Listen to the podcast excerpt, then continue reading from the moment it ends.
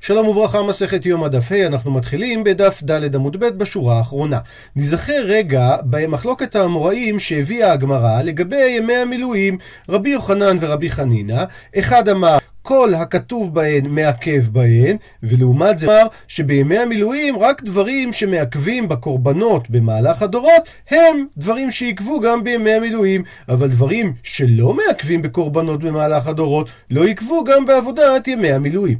שואלת הגמרא, מהי ביניו? הכוונה, מה בתכלס ההבדל בין שתי השיטות, מה מעכב ומה לא מעכב?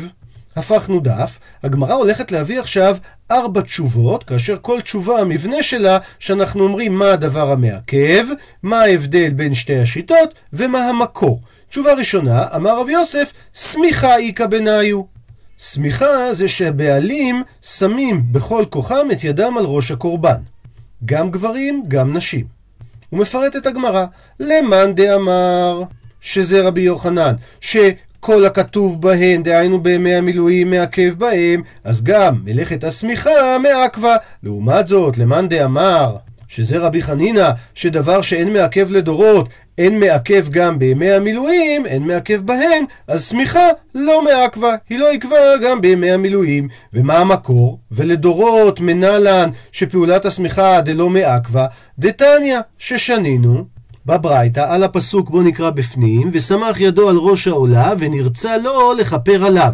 אז כתוב בתחילת הפסוק ושמח, בהמשך כתוב ונרצה, והרי שואלת הברייתא, וכי שמיכה מכפרת? כי ונרצה זה אומר כפרה, והלא אין כפרה אלא בדם, שנאמר כי הדם הוא בנפש יכפר. אז אם כך, ומה תלמוד לומר ושמח ונרצה? אז למה בפסוק יש את הסמיכות הזאת בין סמיכת הידיים לבין ונרצה לו לכפר עליו?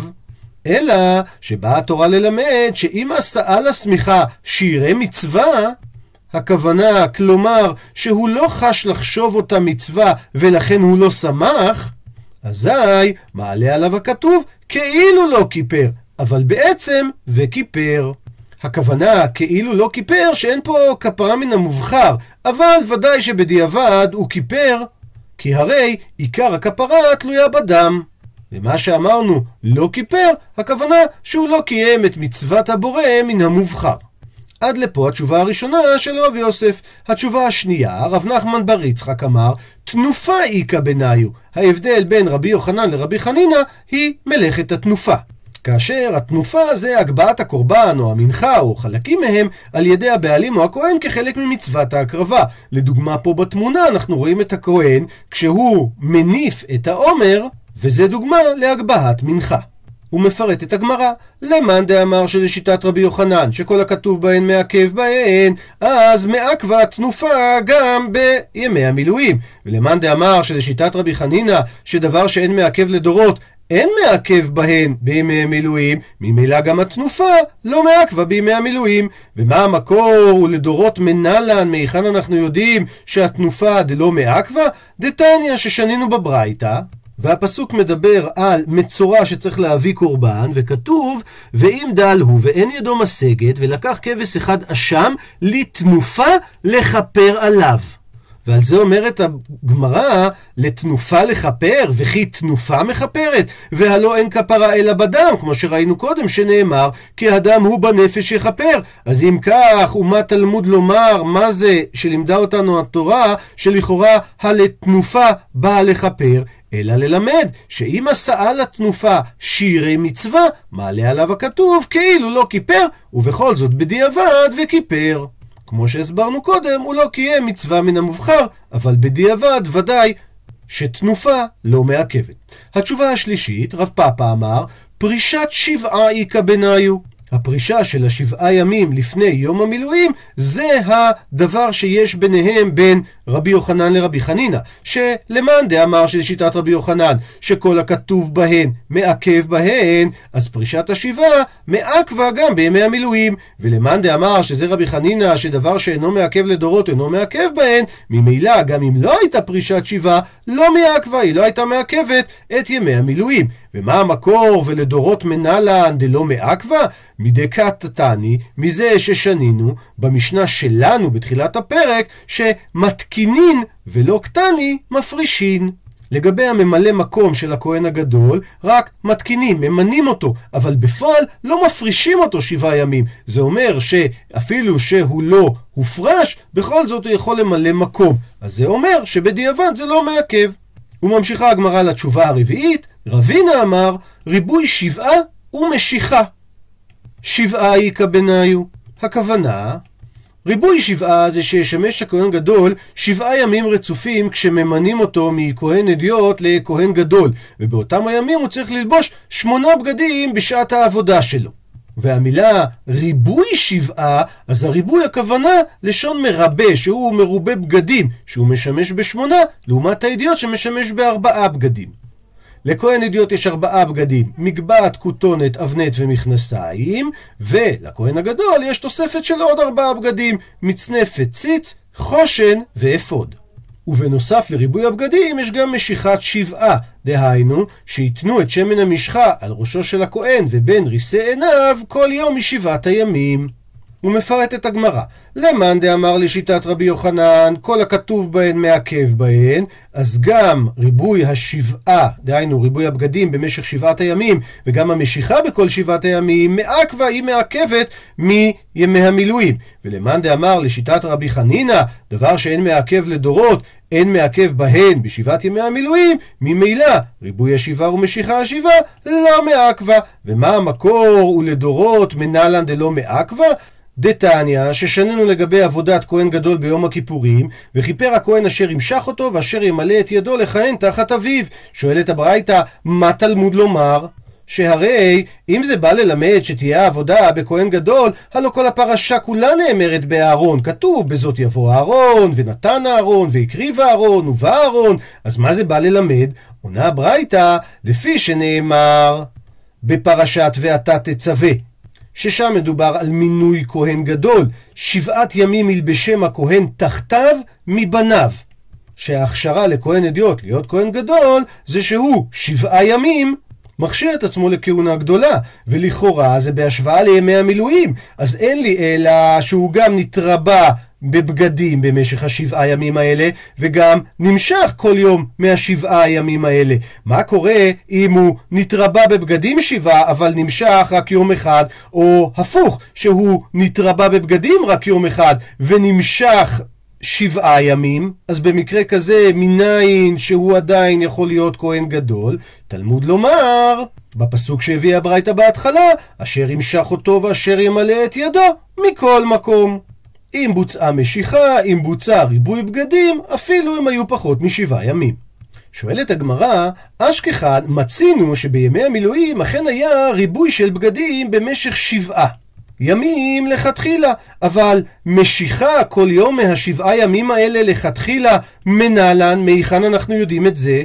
שהרי ראינו את הפסוק המפורש שמדבר על עניין הבגדים, שבעת ימים ילבשם הכהן תחתיו מבניו, אבל לעניין המשיכה, מהיכן המקור לזה? עונה הגמרא שתי אפשרויות. אי באי תימא, אם תרצה תאמר, מדאיץ צריך קרא למיעוטה. מזה שהיה צריך פסוק למעט ולומר שבמקרה שהוא נמשך רק יום אחד, עדיין זה נחשב שהוא הופך להיות כהן גדול, אז מזה שזה הוצרך למעט, זה אומר שלכתחילה צריך שבעה ימים משיכה. ואי בית אימה, ואם תרצה תאמר את התשובה השנייה, דאמר קרא, שהרי כתוב בפסוק, בואו נקרא אותו בפנים, ובגדי הקודש אשר לאהרון יהיו לבניו אחריו למושכה בהם, ולמלא בם את ידם. ואנחנו רואים בפסוק הזה שאיתקש משיכה לריבוי. יש היקש, יש סמיכות בין הבגדים לבין הלמושכה, שהגמרא מבינה את זה כאן מצד משיכה בשמן המשחה, מה ריבוי? שבעה ימים צריך, אף משיכה שבעה ימים צריך. עד לכאן בעצם ראינו ארבע דברים שיכולים להיות נפקא מינה בין רבי יוחנן לבין רבי חנינא בעניין ימי המילואים. עכשיו עוברת הגמרא לשאלה עקרונית. מהי תמא דמאן דאמר כל הכתוב בהן מעכב? מה הטעם? על מה הסתבך? רבי יוחנן, שזה שיטתו, שכל מה שכתוב בשבעת ימי המילואים הוא גם לעיכובה. עונה הגמרא אמר רבי יצחק בר ביסנא, אמר קרא, כי כתוב בפסוק, בוא נקרא בפנים, ועשית לאהרון ולבניו ככה, ככל אשר ציוויתי אותך, שבעת ימים תמלא ידם. אז המילה ככה היא מלמדת אותנו עיכוב ההוא, שדווקא באופן הנזכר חובה לעשות. שואלת הגמרא, תנח כל מילתא, הפכנו דף. דכתיבה בהעניינה. אני מבין שהמילה ככה אכן מעכבת כל דבר שכתוב בפרשה הזאת. וזה בפרשת ואתה תצווה. אבל ענייני המילואים לא מופיעים רק בפרשת תצווה, הם מופיעים גם בפרשת צו.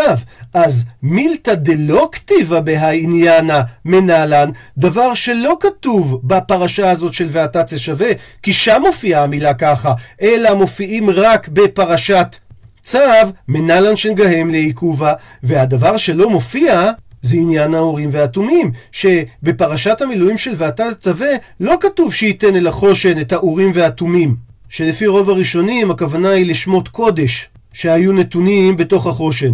אבל בפרשת צו, שבה לא כתוב את המילה ככה, כן כתוב שם ויתן עליו את החושן ויתן אל החושן את האורים ואת התומים.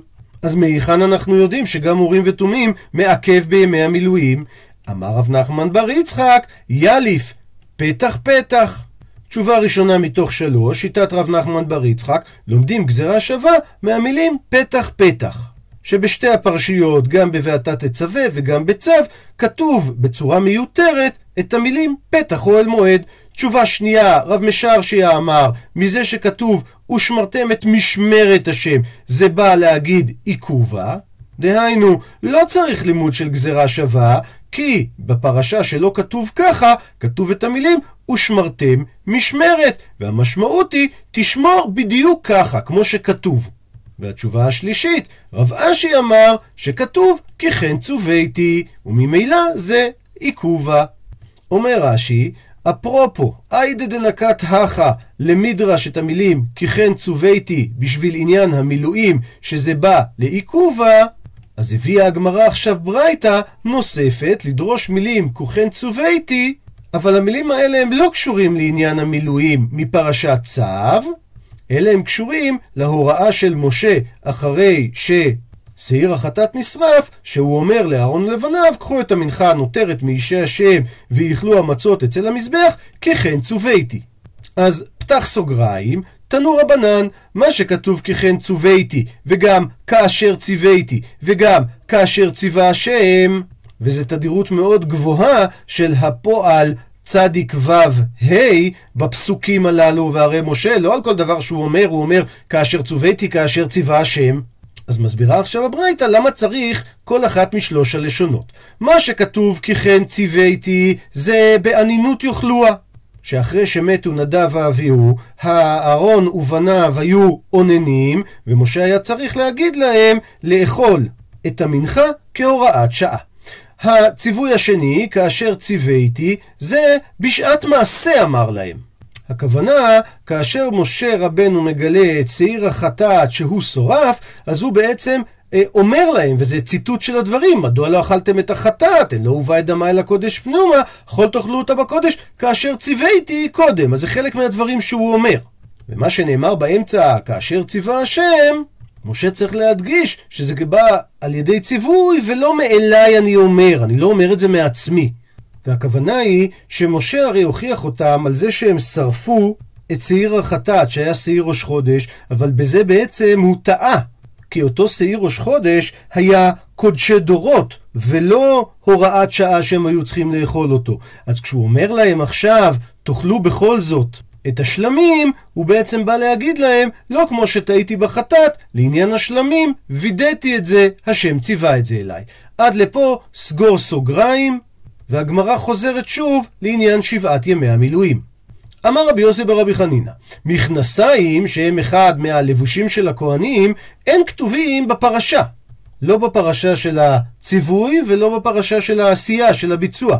בכל זאת, כשהוא אומר בתחילת פרשת תצווה, וזה הדבר אשר תעשה להם לקדש אותם לכהן, אז המילה וזה באה לרבות, להביא המכנסיים והסירית היפה.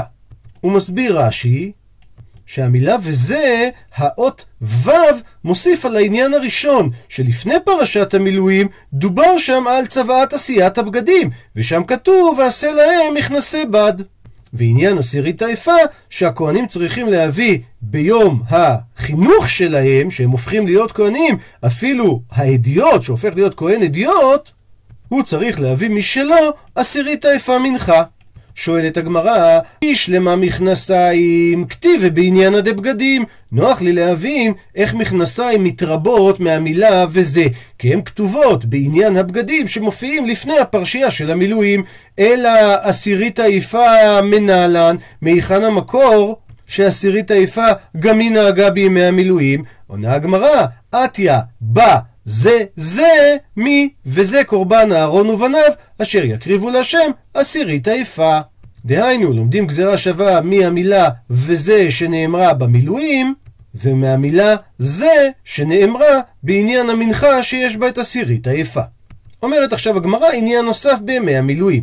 אמר רבי יוחנן משום רבי שמעון בן יוחאי, מניין שאף מקרא פרשה מעכב, מסביר רש"י, מקרא הכוונה פרשת המילואים שנצטווה בפרשת ואתה תצווה שהוא אמר להם משה לציבור ב-23 באדר כשהתחילו את המילואים הוא הקיל את העדה אל פתח אוהל מועד שנאמר בפסוק ותיקה אל העדה ואז בהמשך ויאמר משה אל העדה זה הדבר אשר ציווה עשם לעשות ולא מתואר שם מה שהוא עשה אלא כנראה שהמקראות הללו בעשיית המילואים בצוות אהרון דהיינו שהוא קרא לפניהם את כל מה שמופיע בפרשת המילואים. אז מהיכן לומדים את זה? תלמוד לומר, מזה שכתוב, ויאמר משה אל העדה, זה הדבר אשר ציווה השם. אז המילה דבר נדרשת אפילו דיבור מעכב. דהיינו, אפילו מקרא הפסוקים האלה מעכב בימי המילואים. ממשיכה הגמרא ושואלת, כיצד אלבישן? דהיינו, מה היה הסדר שמשה הלביש את הכהנים, את אהרון ובניו? אומרת הגמרא, לא מבינה את השאלה. כיצד הלבישן? מאי דאבה אבה. מה שהיה היה, מה הרלוונטיות של השאלה הזאת? מסבירה הגמרא את השאלה, אלא כיצד מלבישן לעתיד לבוא? זה רלוונטי, כי לעתיד לבוא אנחנו שוב נצטרך לעשות להם ימי מילואים.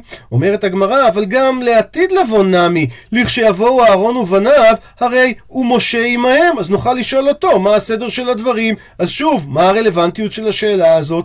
מסבירה הגמרא את השאלה, אלא כיצד אלבישן? כי זה רלוונטי לנו למסבר קראי. להסביר את הפסוקים שלכאורה יש בהם סתירה. כמו שאנחנו רואים, פליגי בבני רב חייא ורבי יוחנן, שחד אמר אהרון הוא הלביש ואחר כך את בניו, וחד אמר אהרון ובניו הם הולבשו בבת אחת. הוא מסביר אביי במה הם נחלקו. אמר אביי בפריטי הלבוש של בכותונת ומצנפת, בזה כולי עלמא, כל העולם, דהיינו גם בני רב חייא וגם רבי יוחנן, לא פליגי, בזה הם לא חולקים שקודם דאהרון, ואחר כך משה הלביש את בניו של אהרון. ואיך אתה יודע? דבין בצוואה ובין בעשייה, אהרון קדים. כי בין בציווי בפרשת באתה תתווה, בין בעשייה בפועל בפרשת צו, כתוב שאהרון היה קודם. כי פליגי, במה הם כן נחלקו? לגבי באבנט. מאן דאמר, מי שאומר שקודם אהרון ואחר כך בניו, הוא מסתמך על זה דכתיב, ויחגור אותו באבנט, אותו, דהיינו אדם אחד, והדר כתיב, ואחר כך כתוב, ויחגור אותם באבנט. אז קודם הוא, דהיינו אהרון, ואחר כך הם, אותם. ומאן דאמר, אבל מי שאומר אהרון ובניו בבת אחת, הוא מסתמך על זה שדכתיב וחגרת אותם. שכתוב וחגרת אותם אבנת אהרון ובניו, אז אותם זה את כולם ביחד. דהיינו באותו זמן. השאלה עכשיו תהיה, למה כל אחד לא אומר כמו השני, או יותר נכון, איך הוא מסתדר עם הפסוק שעליו הדעה השנייה נסמכה. למען דאמר אהרון ובניו בבת אחת, הכתיב הרי כתוב, ויחגור אותו באבנט, והדר כתיב ויחגור אותם באבנט, אז איך מסתדר? לשון היחיד ואחר כך לשון הרבים, עם זה שאתה רוצה לומר בבת אחת. הפכנו דף, אמר לך, יענה לך אותו המורה, ההוא אבנתו של כהן גדול, לא זהו אבנתו של כהן אדיוט. דהיינו, לעולם הפסוק באמת מדבר שצריך להלביש אותם בבת אחת, אלא מה? בעשייה, דהיינו בפרשת צו, התורה באה לחלק את הדברים, אבל כדי ללמד אותנו שאין האבנטים שווים, כי האבנט של כהן גדול היה עשוי מארבעה חומרים, שכתוב ואת האבנט, שש מושזר, תכלת וארגמן. וצריך להוסיף כאן גם ותולעת שני. אז יש פה עניין של כלאיים, כי הרי שש זה קיטנה, דהיינו פשתן, והתכלת זה אמרה. דהיינו צמר. לעומת זאת, האבנט של הבנים הכהנים, אמנם הכתוב לא פירש ממה הם היו, אבל מזה שפה משמיעים לנו שיש הבדל בין האבנט של כהן גדול לאבנט של כהן אדיוט, זה אומר שהאבנט של הכהן הגדול היה מכלאיים כמו שאמרנו, אבל של הכהן אדיוט היה של בוץ, דהיינו היה עשוי משש בלבד, דהיינו מפשתן. וממשיכה הגמרא, ולדעה השנייה, למאן דאמר שאהרון קודם משה הלביש אותו ואחר כך את בניו, והכתיב הרי כתוב וחגרת אותם אבנט. משמע שהחגירה מתבצעת בבת אחת. על כך הוא יענה לנו, אמר לך, ההוא כמה שמלן, שאבנותו של כהן גדול זהו אבנתו של כהן אדיוט. דהיינו, ששני האבנתים הם אותו דבר, שניהם הם כלאיים. ואת זה אתה לומד מזה שהתורה כללה אותם ביחד וחגרת אותם אבנט, שיש את אותו סוג אבנט, גם לכהן הגדול וגם לכהן אדיוט. ולעניין סדר הלבישה, כתוב ויחגור אותו באבנט, ואחרי זה כתוב ויחגור אותם. למה לי? למה התורה צריכה לפרט את הדברים הללו בצורה השונה הזאת, קודם אותו, אחר כך אותם? אלא שמע מינה, קודם אהרון, ואחר כך בניו. ועכשיו חוזרת הגמרא שוב, ושואלת שאלה עקרונית. לפי מי שאמר שבבת אחת מי משכחת לה, האם הדבר הזה אפשרי שיהיה משה לבדו חוגר חמישה בני אדם כאחת? עונה על זה הגמרא, לא צריכה, דאקדים, דהיינו, לא מדובר שמשה בבת אחת ממש הלביש אותם, אלא הכוונה היא שהוא עשה אותם זה אחר זה בסדר אחד היו, ולא הפסיק בגד אחר בינתיים. דהיינו, באופן הבא, הוא הלביש לאהרון את כל בגדיו ולא חגר לו את האבנט, אחר כך הוא הלביש את בניו של אהרון את המכנסיים, את הכותונת ואת המצנפת, ולא את האבנט, שזה הבגד האחרון. אחר כך הוא נטל את האבנטים, חגר את הארון, ואחר כך את בניו. עד לכאן דף ה'.